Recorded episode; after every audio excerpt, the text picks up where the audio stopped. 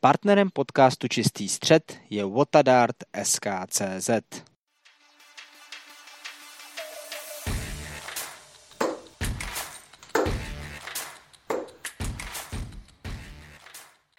Příjemný dobrý den všem posluchačům podcastu Čistý střed. Vítám vás u velmi zajímavého a nového projektu, protože doteď jste byli zvyklí pouze na rozhovory s jednotlivými hráči. Dnes si ale probereme s mým novým kolegou a e, ošaněné hostem, ale spolupracovníkem Karlem Irákem turnaj World Matchplay. Karle, i tobě přeji hezké odpoledne už pro nás. Já přeju hezké odpoledne tobě, Petře, a hlavně všem posluchačům. World Matchplay, turnaj, který některý, někteří hráči mají za ještě prestižnější než mistrovství světa. Jak bys to zhodnotil v prvních třeba dvou větách? V prvních dvou větách bych určitě zhodnotil možná jedním slovem překvapení, protože těch překvapení, které nám tento ročník World Matchplay přinesl, bylo víc než dost a to hned od samého začátku.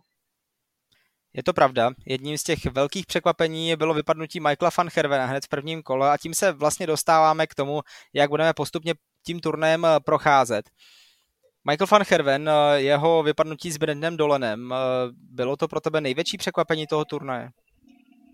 Já si myslím, že rozhodně to bylo to první překvapení, jestli největší, Těžko říct, ono samozřejmě všichni víme, a není žádné tajemství, že se Michael van Herven poslední dobu potýkal se zdravotními problémy, ať už tedy s nějakou tou bolestí, se týče ramena, možná dokonce bych to odsoudil na prsní sval v průběhu Premier League, tak eh, Michael van Herven si to vybral ještě, co týče té operace zubů. A pro mě to zas až takové překvapení nebylo, ale během toho zápasu tam se, tam se stala věc, že v podstatě samozřejmě Brandon Nolan vedl, a ve chvíli, kdy Michael van Herven dokázal srovnat, tak už si myslím, že všem divákům muselo být jasné, že víc toho Herven už nepředvede a že to byl absolutní strop. Měl tam nějaké vysoké závěry, tuším 132 tam předvedl krásně přes dva boje, double 16. Plus tam měl, myslím, ještě 138. Ale tak nějak eh, už z jeho vyzařování bylo vidět, že to je, to je v podstatě poslední kapka, kterou on ještě dokáže nalít do svého skorovacího poháru. A pak už to bylo víceméně jasné. No. Ale týden předtím zahrál 110 průměr ve Varšavě na World Series, tak eh, co, co ho to mohlo stát? Protože jasně, zmiňoval si tu operaci zubů, ale to už bylo i po ní a ve World, na World Series eh, vlastně od té doby, co s Adamem Gavlasem prohrál 0-3, tak hrál naprosto perfektní šipky. Je to přesně tak, jak říkáš. No. Těžko říct, možná přece jen eh, nutno říct, že Michael van Herven se snaží všemi deseti dostat zpátky na ten post světové jedničky a udělá pro to absolutní maximum a možná že v tuhle chvíli ho ta tíha okamžiku rozstihla a s tím, že si ještě připustil, že přece jen ten jeho zdravotní stav není úplně perfektní, tak se to tak nějak sešlo dohromady a myslím si, že to je jedno z druhým, no, že Michael van Gerwen tak moc chce dostat se na posvětové jedničky, až možná trošku psychosomaticky sám sobě přivádí určité zdravotní problémy. Ale Michael van Herven nebyl jediný, kdo vypadl v prvním kole z těch nasazených hráčů na World Match Play. Nasazených hráčů bylo celkem 16. Vypadla nasazená 16. James Wade, vypadl Dave Chisnell, což byl nasazená 12. a hlavně vypadl hráč, který byl ještě před turnajem světovou pětkou, Rob Cross a na něm si smlsl Karle Daryl Garney kdo by to byl řekl, že Daryl Gerney, který v letošní sezóně zahrál jedno semifinále na European Tour a jinak vypadával pravidelně v prvním, v druhém kole, si vyšlápne na světovou pětku? No, samozřejmě Daryl Garney, přestože jeho forma v posledních letech není až tak úplně perfektní, tak eh, je neudiskutovatelné, že je to skvělý hráč a mohli jsme se o tom přesvědčit. Eh, já jsem ho sledoval v tom druhém zápase, který tedy prohrál, teďko nejsem přesně schopen říct s kým, tuším s, s kým to bylo. No, on došel až do čtvrtfinále, tam potom prohrál s uh, Joem Kalenem. S Joem Kalenem, ano, přesně tak. Ale já jsem v podstatě tu Derilovou cestu sledoval uh, celý turnaj a hrozně se mi líbilo jeho psychické nastavení. Na něm bylo vidět, že i když s tím Kalenem prohrával 5-0, tak si to v podstatě vůbec nepřipouštěl a šel prostě dál. A jako bylo, bylo moc hezký se na ně dívat, no, protože opravdu byl na to psychicky připravený velice dobře a o tom právě svědčí i ten první zápas, který nakonec dotáhl do vítězného konce poměrem 10-12, respektive 12-10, tedy z jeho pohledu. Takže boj to byl, boj to byl neskutečný. Eh, dokonce jak to vypadalo. No. Ten průběh toho zápasu bylo, že Daryl vyhrával 4-0, takže v podstatě hned z kraje toho zápasu a v podstatě hned z kraje toho turnaje byl stoprocentně ponořen do té hry. A když se detailně podíváte na tu Darylovou psychiku, tak uh, opravdu jako z toho bylo patrné, že se dostane daleko právě z toho, že má vlastně to nastavení hlavy naprosto v pořádku a prostě se hecnul na ten turnaj a opravdu to na něm bylo vidět. Jak říkám, znovu musím zopakovat, prohrával 5-0 s Kalenem, ale nebylo na něm vidět, že by si z toho vlastně něco dělal. To je pravda, on vlastně o zápas dřív zmrzačil Garyho Andersona, tam to bylo zase naopak 5-0 pro něj po té první session, ale to ještě malinko předbíháme, abych se ještě chviličku zůstal u toho prvního kola. Dave Chisnall, zápas s Garym Andersonem, už eh, tuším, že tehdy to byl Jirka Pauser, který komentoval to utkání, říkal, že Gary Anderson byl spíš tím favoritem toho zápasu, ale mohli jsme to vůbec tvrdit, že Gary Anderson, jakožto hůře postavený hráč s horší formou v letošním roce, může být považován za toho favorita, byť samozřejmě ten zápas vyhrál, ale proti němu Dave Chisnall letos finále European Tour ne jedno, vlastně má i vyhrané European Tour v letošní sezóně. Za mě to byl favorit spíš on? No, co se týče bookmakerů, tak ty kurzy byly naprosto vyrovnané. Bylo 1,90, 1,90, to jen tak jako pro zajímavost. Nicméně, co se týče Garyho, tak uh, i za mě to favorit byl, už jenom z toho pohledu, že nedávno Gary Anderson vyhra, vyhlásil tedy ten boj na ty ztracené příčky v žebříčku od Merit a jak řekl, tak i učinil. Okamžitě začal trénovat, v podstatě hned po tomto svém prohlášení se mu povedlo vyhrát jeden z turnajů Players Championship. A to, co potom následně předváděl na World Cupu po boku Petra Wrighta, bylo naprosto neuvěřitelné. A já si myslím, že ta, ta Garyho stará forma se přece opravdu vrací.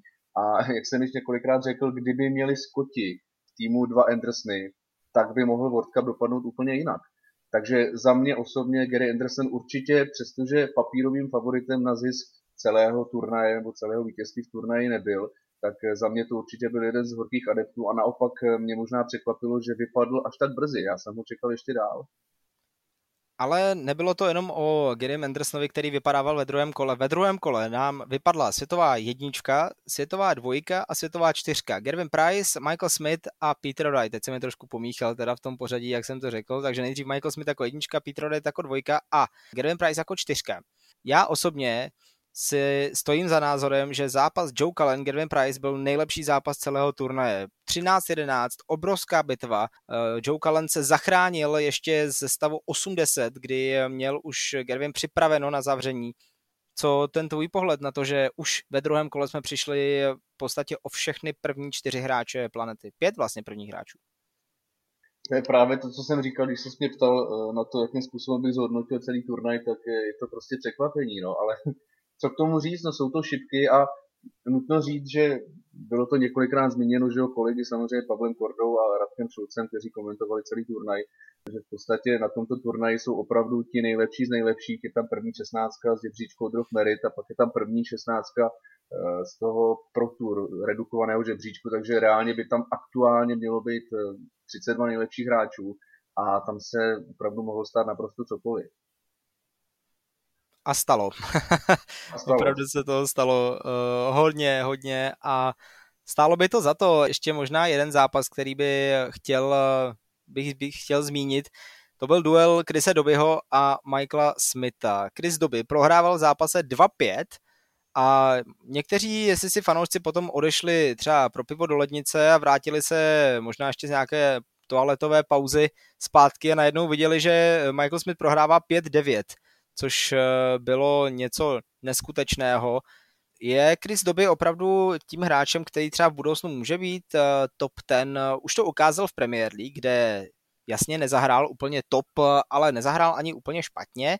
Na druhou stranu eh, do, neskončil poslední, to je velký bonus pro debitanta a v posledních měsících jde hodně nahoru, tak může to být za chvilku ten hráč třeba do konce roku, může být v top ten. Co se týče Krise Dobyho, tak eh, on samozřejmě z řad eh, odborníků je možná tím lehce podceňovaným hráčem. Já si myslím, že ne úplně po právu, protože, jak si zmínil, samozřejmě vyhrál Masters, čím se dostal do Premier League, o tom se samozřejmě taky vedou spekulace, jestli toto je to kritérium, těžko říct, nebudeme samozřejmě sahat do svědomí PDC.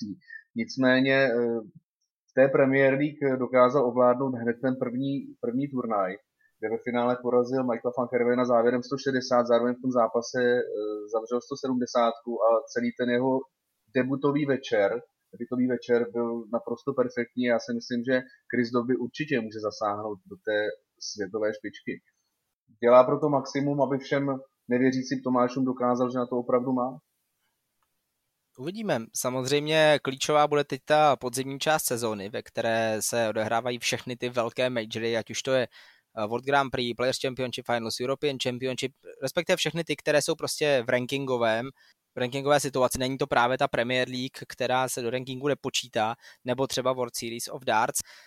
Pojďme se přesunout ke čtvrtfinálovým zápasům, protože teď uh, už asi stojí za to rozebírat opravdu to zápas po zápasu, jelikož všechny ty duely byly velmi vyrovnané a byly naprosto skvělé šipkarsky. Povídej něco tomu. Já bych si ještě s dovolením dovolil vypíchnout jeden zápas prvního kola.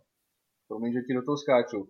Nicméně, co byl také velmi zajímavý zápas a možná jeden z nejzajímavějších z pohledu statistik, eh, byl zápas v prvním kole mezi Johnem Claytonem a Gabrielem Clemencem. A na tomto zápase bylo naprosto, naprosto unikátní to, že Johnny Clayton byl v podstatě horší absolutně ve všech statistikách. On tam v podstatě jediné, v čem byl lepší, tak, eh, tak byly zahrané stovky. Ale co se týče průměru, tak eh, Johnny Clayton hrál 87, Gabriel Clemens hrál 94, 184 6, 140 tedy 12, 12 17, stovky 36 34, dokonce i procenta na dublech byly horší ale přesto dokázal eh, Johnny Clayton téměř se ztrátou nějakých 8 eh, bodů na, na dublech, eh, pardon, na průměru, dotáhnout tento zápas do vítězného konce a to je přesně ukázka toho, o čem se neustále mluví, že ty průměry jsou opravdu pouze pomocná statistika. Ale co tento zápas rozhodlo, bylo to, jak říkali kolegové, že opravdu Johnny Clayton držel relativně zodpovědně svá podání.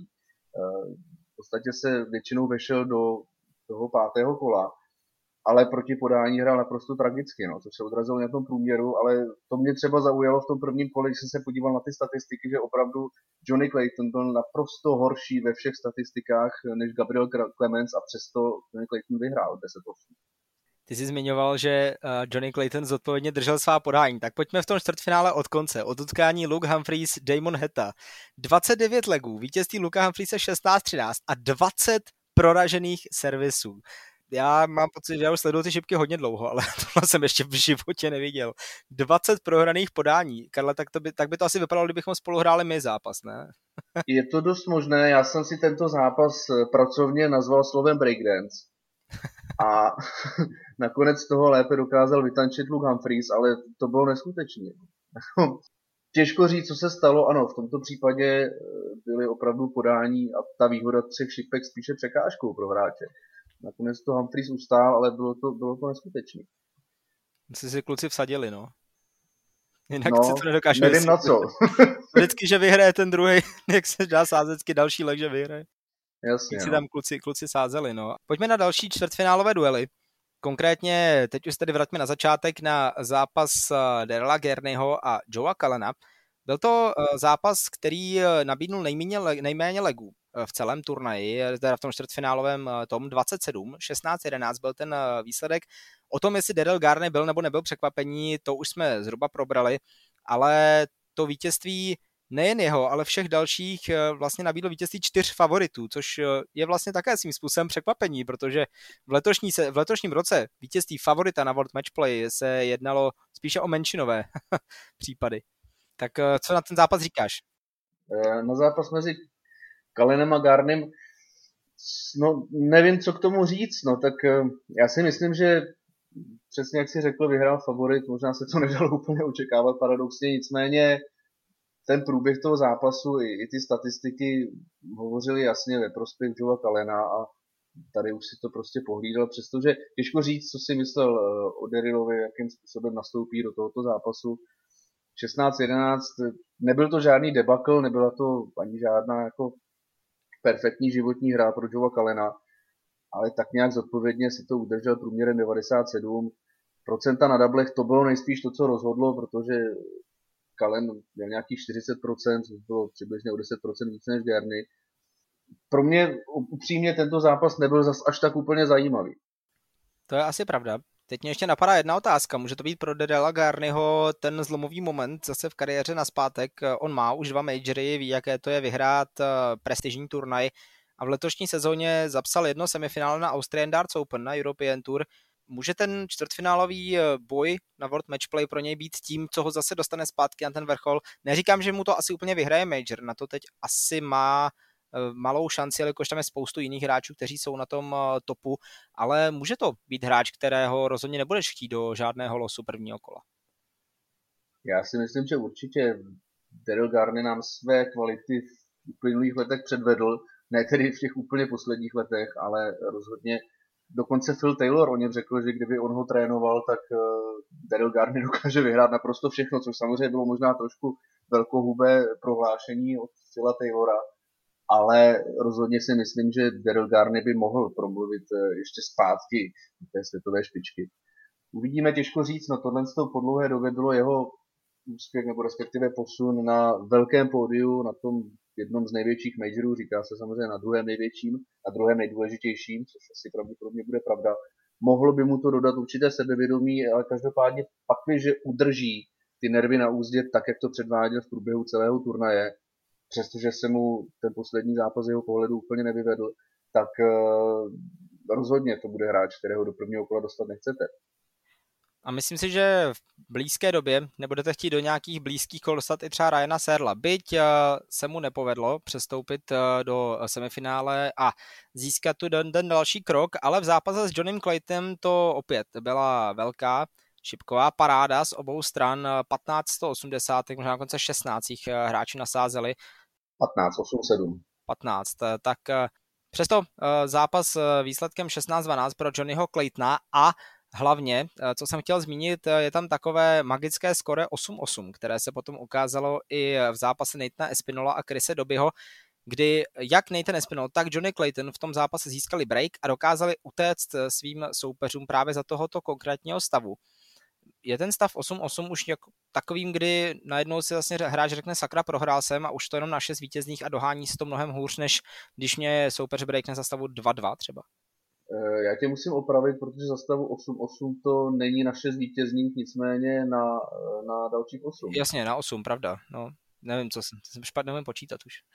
ne, ono se to plete, jak nám... Že to je na 6, víš, takhle jsem to myslel jak nám v průběhu toho turnaje přibývají legy, tak je to trošku, je to trošku nepřehledné, což jsme měli možnost zjistit nejen z reakce Natana Espinula, který uh, vyhrál 16. leg v tom semifinále. Jo, jo, v semifinále. A měl pocit, měl pocit, že už vyhrál.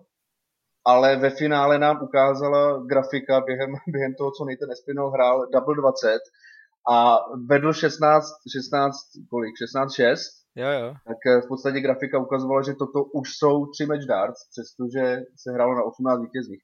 Takže nejsi zmatený jenom ty, ale řekl bych, že možná i celý svět, když ti tady odpuštěno. Nicméně, uh, jestli je to magické skóre, těžko říct, no, tak jste, jste na půli cesty a teď co, no, teď se v podstatě začíná od začátku a teď možná trošičku začínají přesně uh, ty formáty, na který jsou hráči zvyklí, jak už Space Championship nebo s European Tour, že se hraje na 8 vítězných to finále potom nebo respektive ty, ty další kola. Těžko říct, no, těžko říct, jestli si hráči řeknou, tak teď máme splněno a teď teda jdeme hrát ten zápas.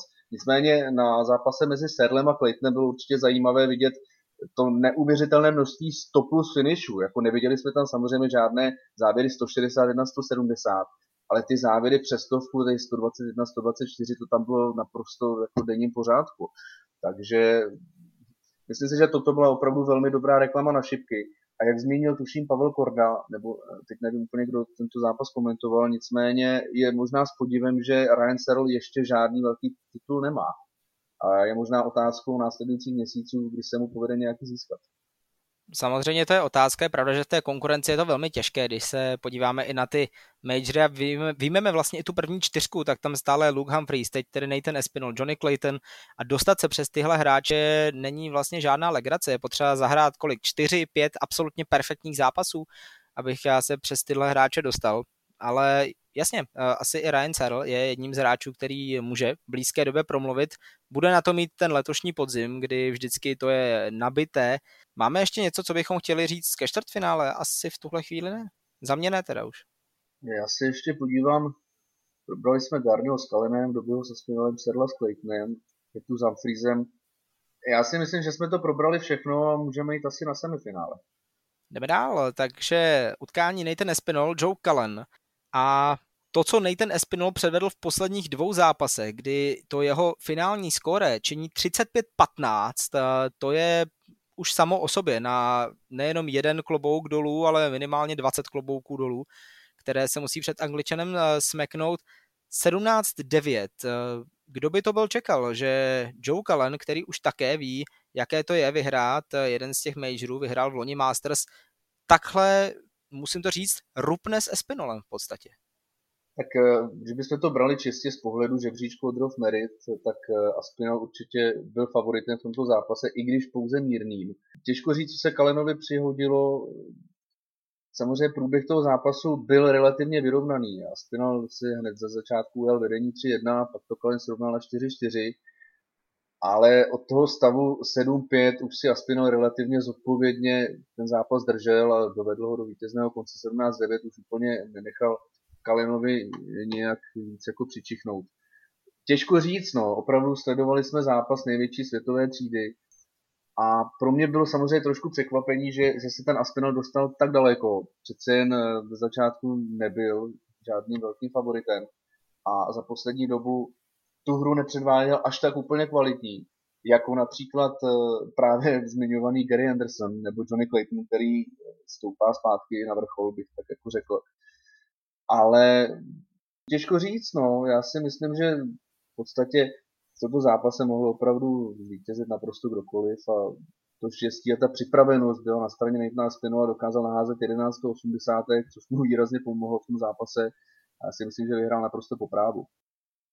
Ještě doplním jednu statistiku, že zavírání bylo 34%, což je přesně ta klíčová hodnota, kdy eh, v podstatě jakmile má hráč nad 33%, tak to v podstatě znamená volně přeloženo, že jelikož eh, jakmile má tři šipky v ruce, tak zavře, což eh, se povedlo Espinolovi, ale to druhé semifinále určitě stojí za mnohem větší zmínku, protože 17-15 utkání Johnnyho Claytona a Luka Humphreese bylo něco neskutečného.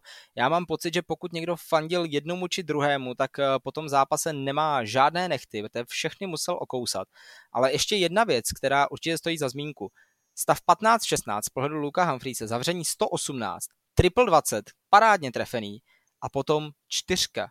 Po druhé v zápase, a já jsem to už zmiňoval, když jsme se o tom tady bavili u nás doma, Reálně, Karle, kdyby tam někdo nakreslil křížek při té první čtyřce, kterou tam Luke Humphries hodil, tak on by ji trefil znova. Úplně totožné místo, které trefil Angličan a v podstatě tím eh, totálně zazděl svoje šance na to, že by mohli jít do prodloužení a případně získat titul. Je to pravda, já jsem trošku očekával a Luke to nesplnil, že po tom, co se mu podobný, tak řekl vulgárně, fuck up povedl v předchozím legu, byl v jednom z předchozích legů, tak eh, že v tom druhém už si přece jen tu osmnáctku pohlídá a dá si třeba vteřinku, že v té hlavě bude mít, jo, tak tu čtyřku jsem trefil, tak teď musím fakt tu osmnáctku. Ale on si tu vteřinku nedal. Jak jsme přesně viděli u Natana Espinola, který v podstatě ty vteřinky využíval naprosto v průběhu celého turnaje a dobře udělal, co se nakonec ukázalo. Tak uh, Luke Humphries naprosto nekompromisně narval tu druhou šipku opět do čtyřky a nevím, no, je to nějaké koncentraci a v jeho případě pak, že bych tuto chybu udělal, tak uh, tak bych si přece jenom rozmyslel, jestli udělám znova kor v takto důležitém okamžiku. No, myslím si, že to je dobrá škola. A je pravda, že když proti tobě stojí někde jako Johnny Clayton, který už ví, jaké to je vyhrát mnohonásobný počet majorů, tak eh, nechceš dělat takovéhle chyby, no. No, ne, tohle to byla opravdu školácká chyba, ale je to asi dáno tím stylem Luka Humphreese, no, který v podstatě, který v podstatě prohraje lék a v zápětí zapomene na to, že ho prohrál, tak v tuto chvíli zapomněl, že udělal chybu na singlové čtyřce. No. Ale jako já, kdybych to bral ze svého pohledu, tak určitě bych se k tomu postavil jinak, ale ono zase na druhou stranu i to tě může svázat, protože samozřejmě na ty chyby musí zapomínat, ale musí se z nich poučit. Je to takové dvousečné. No je pravda, že si myslím, že pomalu, ale jistě se Luke učí. Přece jen semifinál na World Matchplay, co by za to dal ještě dva roky zpátky a za poslední dva roky pět titulů na European Tour, včetně loňského titulu v Praze, letos, tam byl, letos tady byl ve čtvrtfinále. Je pravda, že u něj si myslím, že to je už jenom otázkou času, než eh, nějaký velký manager přijde a já to teda nedám, nedělám úplně rád, teď jsem se o to taky zamotal, nedělám to úplně rád, eh, že nepředpovídám, ale klidně bych si troufnul říci, že letos na podzim minimálně jeden velký turnaj Luke Humphries vyhraje. Já už jsem si upřímně myslel, že vyhraje World Match Play, což se nakonec nestalo. Já mám jednu výtku Kuku Humphreysovi, mně se prostě nelíbí to jeho pohrdání 140, když to tak řeknu. A u Humphreys jsme zvyklí na to, že ve chvíli, kdy trefí 140, tak naprosto nespokojeně dokráčí k terči a tváří se, jako kdyby trefil 26.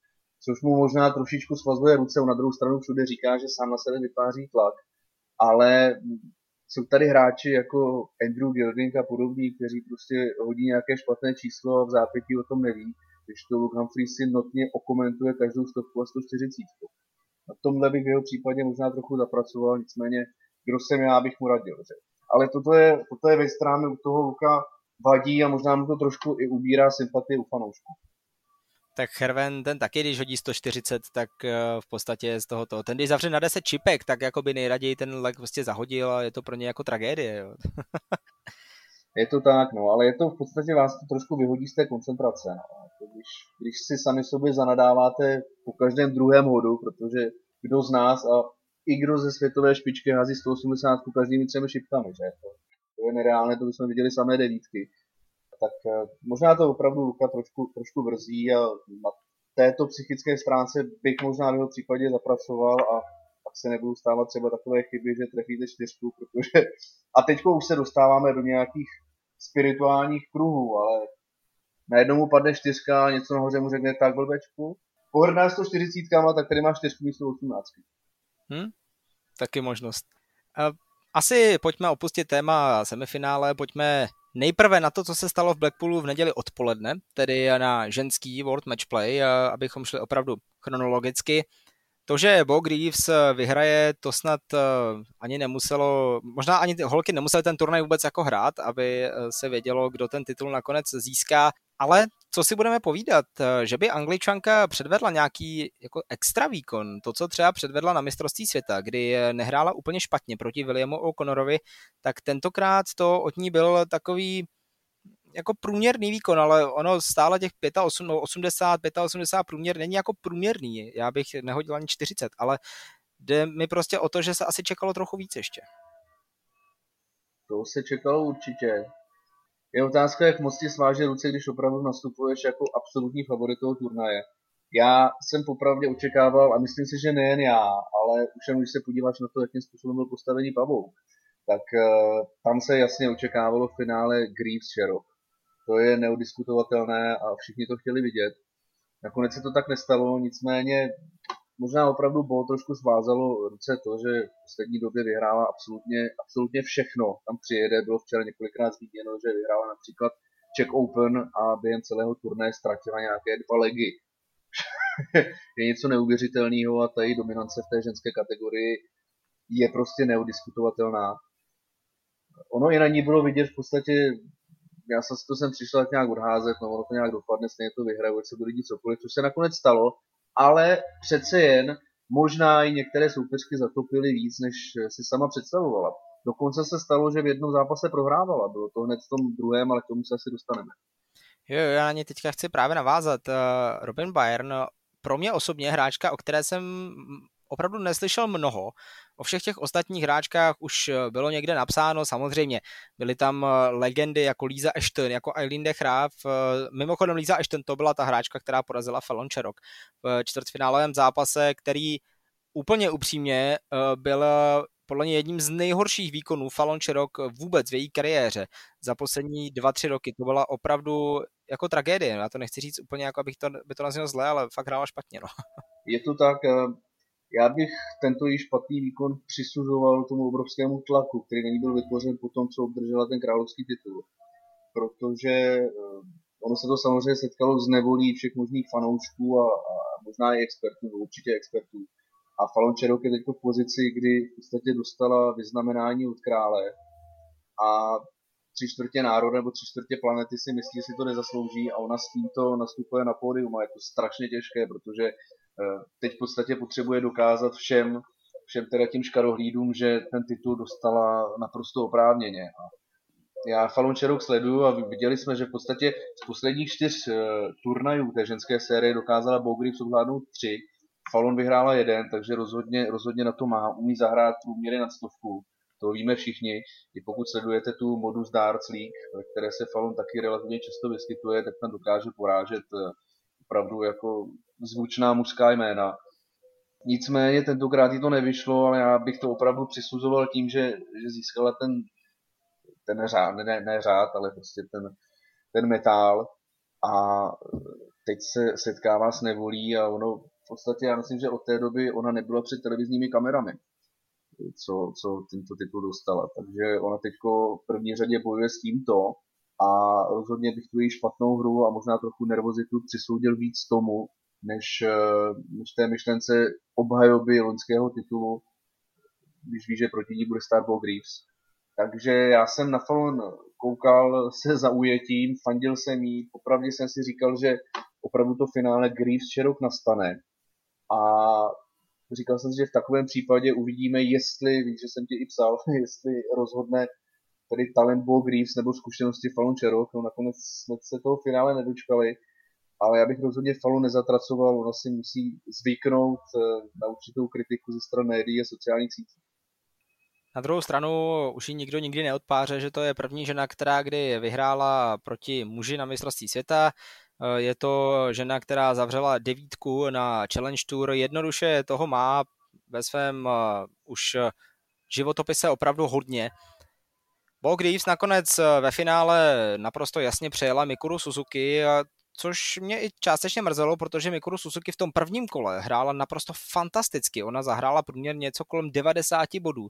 A říkal jsem si, jo, tak kdyby to náhodou udržela, tak by to mohlo být velmi eh, solidní finále, ale nakonec 6-1, eh, 6-2, opravdu nic vlastně se ne, neudálo, no, škoda. Tak Suzuki ve druhém kole proti De Grafové zahrála průměr 92, ale měla zavírání 66%, což je možná ještě důležitější statistika. Nicméně ona si to finále tak trošku prohrála sama. Tam nastala chvíle, že ona prohrávala 1-0 a mohlo to být 1-1 s tím, že Suzuki šla zavírat. Měla na terči 43 a hrála to přes trojitou osmičku do dvojité dvacítky. Což jasně značí to, že si myslela, že jí zbývá 64 bodů. Což ovšem v předchozím kole zbývalo Bo Greaves, takže ona se dívala v podstatě na její tabulku a tím se řídila a to jí stálo ten lek, nebo to jí možná stálo absolutně celý zápas, respektive samozřejmě Greaves byla obrovskou favoritkou a pravděpodobně by vyhrála. Nicméně eh, tohle byl ten moment, kdy to Suzuki naprosto rozhodilo, v podstatě nezahrála nic, ona tam pak dokázala tedy ke konci jeden lek urvat, ale to už bylo z toho důvodu, že Greaves věděla, že titul je na dosah a možná to trošičku znervozněla. Nicméně Suzuki bohužel sama sebe rozhodila pak už jako nebylo o čem. A přesto, že všichni čekali obrovsky vyrovnanou bitvu, večer to zase tak úplně nedopadlo. Bylo to 5-5 po prvních dvou session, všichni říkali super, to bude skvělý vyrovnaný zápas. No a pokud někdo odešel na 15 minut pryč a vrátil se, tak to najednou bylo 5-16 z pohledu Johnnyho Claytona jako takhle, eh, já nechci říkat, že Johnny Clayton hrál špatně, já jsem to schválně připravil. Eh, Odstavu 5-5 a teď dobře poslouchej, první čtyři legy zavřel Nathan Espinol 11., 14., 13. a 12. šipkou, což znamená eh, dvě čtvrtá a dvě pátá kola. Potom v dalších těch šesti lezích, které zbyly, tak tam byla čtyři šestá, jedno páté a jedno čtvrté. Řekni mi, jak proti tomuhle se dá vůbec jako hrát, aby, aby to šlo, protože Nathan Espinol v té druhé session měl průměr nějakých 118,5, to je, to je prostě nesmysl, to, to hrál Herven ve svých nejlepších letech. Já jsem to viděl, proti tomuhle se dá hrát naprosto jednoduše, takže budeš zavírat devítky. To se nám to říká, věď? ne, my tady z pozice, z pozice, já říkám, já se nepovažuji za komentátora, já se považuji za šipkového glosátora. A z pozice šipkového glosátora mohu naprosto čistým srdcem říct, že to se hrá dá, musíte zavírat devítky. Že jo? A Johnny Clayton pochopitelně zavírat umí, nicméně bohužel jsme se v průběhu celého turnaje žádné nedočkali. Ale no, ano, no, co, co k tomu říct, prostě Nathan Espinol nastoupil naprosto neuvěřitelně ale co bylo ještě neuvěřitelnější, já se přiznám, že já jsem fanoušek Johnnyho Claytona, ale věděl jsem, že ve chvíli, kdy se Aspinal dostane k dublu, tak už je prostě po všem. A to naprosto v každém legu. Johnny, Johnny Clayton na těch dublech vyhořel, jak skvěle zavíral v průběhu celého turnaje, tak v průběhu toho finále měl nějakých 24%, když to Nathan Aspinall měl relativně sympatických nebo velmi, velmi nadprůměrných 45. A tomu prostě stačilo. No. Máš jednu ze dvou šipek a přesně jsme viděli dublová 16, dublová osmička naprosto nekompromisně vždy proměněna. Takže na to Johnny Clayton nemohl, nemohl v podstatě nic říct. No. Jemu se samozřejmě povedlo zavřít 141 a potom hodil 280 v řadě. Bohužel to pořadí nebylo takové, jaké by si každý šipkový fanoušek představoval, ale prostě nestačilo to. No. Je to pravda. Vítězstvím eh, na World Match Play se Nathan Espinol nejenom zapsal eh, po bok eh, těch nejlepších šipkařů planety, získal trofej Phila Taylora, ale zároveň se posunul na páté místo v žebříčku Order of Merit. A právě žebříčkem Order of Merit bych to chtěl ukončit. Nemáš-li ještě nějakou poznámku k finále? K finále už žádnou poznámku nemám. No. Jako samozřejmě znovu musíme zdůraznit, že za stavu 5-5 jsme se všichni čekali na naprosto strhující bitvu, která nám možná přinese tiebreak, a tedy tiebreak, leknáhlé smrti samozřejmě, po následném prodloužení. Nicméně jsme se toho nedočkali, no Johnny Clayton už mu nezbývalo, než se s ním smířit a nějak to doházet, no, jako za stavu, za stavu 16-6 už prostě myslím, že bylo všem, včetně Johnnyho jasné, že už si nic neudělá. Takže bych to tímto radši opustil. Já mám pocit, že od stavu 5-5 to byl spektakulární boj Nathana Espinola proti všem rekordům na World Matchplay. To je možné, no. Pojďme na ten žebříček. Eh, Nathan Espinol eh, nově pátý. Michael van Herven se vrátil na druhou pozici i přesto, že vypadl už v prvním kole a máme nového člena top 10, Karle. Dirk van Duivenbode se nám tam dostal, vklínil do první desítky na úkor Dimitrio van der Berga, který eh, obhajoval, tuším, semifinále z roku 2021 a přišel tak o hodně liber. Co říkáš na to, že eh, kluk, který když nastupuje, tak eh, když nastupuje v Praze, tak slyší to dunění a mají zemětřesení i v Ostravě, že už ho máme v top 10? Já si myslím, že samozřejmě Dirk van Dijvenbode se teď setkává s tím, že prohrál tuším dvě finále European Tour za sebou, což eh, mu úplně nepřináší radost, nicméně mělo by, to je, to je samozřejmě důkaz toho, že Dirk van je schopen hrát ty nejlepší světové šipky. I když ty finále zatím trošku smolně po vzoru Michaela Smise prohrává. Ale stejně jako u Luka Humphreys, já si myslím, že otázkou času, než Dirk van Dijvenbode vyhraje nějaký větší turnaj. Jinak co si říkal, eh, co, co si říkal ohledně, ohledně Dimitro Vandenberga, ten opravdu obhajoval 70 tisíc liber. A je zajímavé, že nikdo z té, z té top čtyřky obhájců z roku 2021, jak bych tak řekl, eh, to nedokázal naplnit ani, ani, ani ze třetiny. V podstatě Wright obhajoval tedy to vítězství 150 tisíc liber, dokázal obhájit 15 tisíc, Dimitri 70 tisíc, za druhé místo obhájil taky 15 tisíc Ratajský a Michael van Herven obhajovali 50 tisíc za semifinále a povedlo se jim obhájit jenom 10. No. Takže z těch obhájců, to je možná jedno z těch překvapení, nebo respektive jedno z těch highlightů, že opravdu nikomu z těch obhájců se nepovedlo obhájit skoro nic a proto se nám ten žebříček od Rothberry takto zamíchal. Já bych chtěl jenom říct, že kdyby se zítra, hra, zítra hrál World Cup, tak po boku Michaela Smitha se postaví překvapivě Nathan Espinol přesto, že jsme očekávali celoroční bitvu mezi Robem Crossem a Lukem Humphreysem. Je to tak, nakonec ji tehdy vyhrál Rob Cross a zahrál si v Německu.